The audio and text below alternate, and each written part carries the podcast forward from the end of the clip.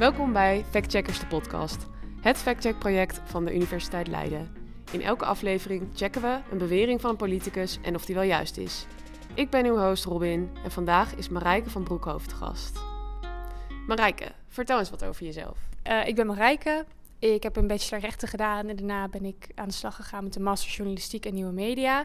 En daarbij zijn we nu bezig met een factcheck en dus een bijbehorende podcast. Oké, en um, je hebt de afgelopen weken een factcheck uitgevoerd. Welke claim heb jij onderzocht? Ja, uh, to switch it up in deze reeks van uh, podcasts. Ik heb een claim onderzocht van een, uh, het FNV en niet van een politicus. specifieker uit hun campagne voor 14, waarin zij zich hard maken voor de minimumloonsverhoging. Uh, heel interessant trouwens om daar een keer naar te kijken online. Uh, ze leggen uit uh, hoe dat moet worden verwezenlijkt en wat voor invloed die verhoging zal hebben. Een van die gevolgen is de bewering die ik heb onderzocht, namelijk dat de verhoging van het minimumloon naar 14 euro direct effect zou hebben op het loon van 2,1 miljoen banen. Hoe kwam je dan precies bij deze bewering? Nou, ik, ik was al een beetje op zoek natuurlijk. ik zat op Twitter en ik was aan het kijken op de hashtag TK 2021, Tweede Kamerverkiezingen 2021. Um, en ik kreeg daar best wel interessante tweets uit. Uh, ook wat minder interessante natuurlijk. En zo kwam ik uiteindelijk op de tweet van Jasper van Dijk. Hij is uh, al best wel een tijd, iets van 16 jaar geloof ik, Tweede Kamerlid namens de SP. En hij retweet een bericht van FNV-vakbondsbestuurder Linda Vermeulen. En in deze tweet stond dus uh, onder andere de claim die ik heb onderzocht. En kreeg je toen een soort onderbuikgevoel van... hé, hey, uh, dit, dit klopt niet? Ja, 2,1 miljoen mensen, dat, dat leek me echt onwerkelijk veel. Ik dacht niet eens van, dat klopt niet. Het was meer een gevoel van, hoe kan dat zoveel zijn? Um, iedereen aan wie ik het voorleg schrikt ook best wel van dat cijfer. Uh, bij hen zie ik een beetje hetzelfde belletje dat gaat rinkelen... als dat ik zelf had op het moment dat ik het las...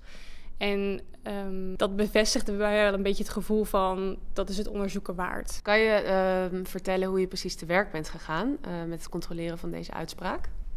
Um, ja, uh, eigenlijk was het niet per se de meest voor de hand liggende tweet, want ik ben van nature totaal geen ster in economie.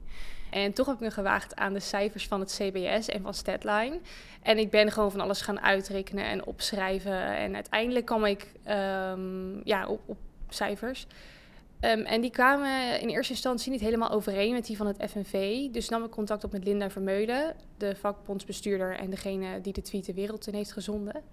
En zij kon me eigenlijk vertellen dat de cijfers die het FNV had gebruikt afkomstig waren uit 2017.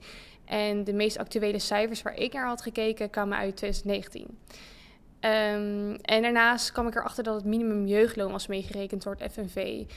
En dat had ik dus niet gedaan. En dat voelde voor mij eerst een beetje shady. Uh, dat je dat een beetje shady vond. Kan je uh, uitleggen wat je daar precies mee bedoelt? Je bent bij de factcheck bezig en je krijgt heel veel informatie. En je bent toch van nature een beetje aan het zoeken van... is er iets tussen wat niet klopt? En zodra het dan bij jou cijfers afwijken op basis van dingen die zij hebben meegerekend en jij niet...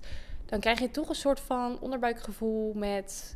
hey, waarom hebben die dat niet gedaan? En klopt het wel? Is het wel goed? Hebben zij wel uh, dit, dit terecht meegerekend? En ik denk dat dat iets is wat je ook al moet hebben. Je moet wel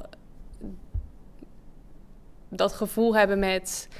hey, dit zou wel eens niet kunnen kloppen. Um, maar toen ik contact opnam met uh, een econoom van het FNV... kreeg ik wat duidelijkere uitleg... Uh, dat heb ik vervolgens ook kunnen nalezen in het rapport van het CPB. En dat rapport kreeg ik dan weer via de universitair docent economie Wiemar Bolhuis. Hier aan de Universiteit Leiden. En uh, hij heeft me ook heel erg geholpen met het duiden van uh, de cijfers die ik heb gevonden. En tenslotte heb ik nog de invloed van de verhoging van het minimumloon op de werkgelegenheid onderzocht. Dat leek me ook invloed hebben op die 2,1 miljoen. Maar ik kwam er eigenlijk achter dat door een groei aan banen in de toekomst en de gematigdheid waarmee de werkgelegenheid afneemt, het eigenlijk heel erg meevalt. En ja, een beetje er niet valt bij hoeveel mensen er op dit moment gewoon baat bij zouden hebben als het minimumloon omhoog gaat naar 14 euro. En wat was dan uiteindelijk je eindoordeel? Uh, ja, de bewering van het FNV uh, dat 2,1 miljoen lonen stijgen wanneer de verhoging van het minimumloon wordt doorgevoerd, klopte toen deze cijfers werden gepubliceerd in 2017. Uh, niet dat ze nu niet meer kloppen, maar ondertussen is het aantal zelfs gestegen naar 2,3 miljoen. Um, en als je dat afzet tegen de 8,5 miljoen banen die we in Nederland hebben, dan, ja, dan is dat nogal wat.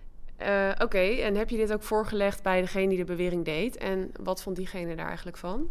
Um, nou, het leek me een beetje overbodig om daarover contact op te nemen. Want ja, wie, wie, zit er te wachten op een mail met... Nou jongens, goed nieuws, jullie informatie is waar. Um, daarnaast kan het, als je zo'n reactie verwerkt in het artikel... een beetje overkomen als een soort van promotiepraatje voor het FNV. En dat wil ik eigenlijk helemaal niet uitstralen... want het is natuurlijk nog steeds een onafhankelijke factcheck. Um, Oké, dat klinkt inderdaad wel logisch dat je niet meer hun hebt benaderd. Maar wel fijn om te weten... Uh, dat het, ja, of het juist of niet juist is. Uh, wat vind jij er zo belangrijk aan uh, om politici te factchecken? Ja, dit is natuurlijk, zoals ik op het begin al zei, um, indirect een politicus, want het was een retweet. Het is vooral een factcheck over het FNV.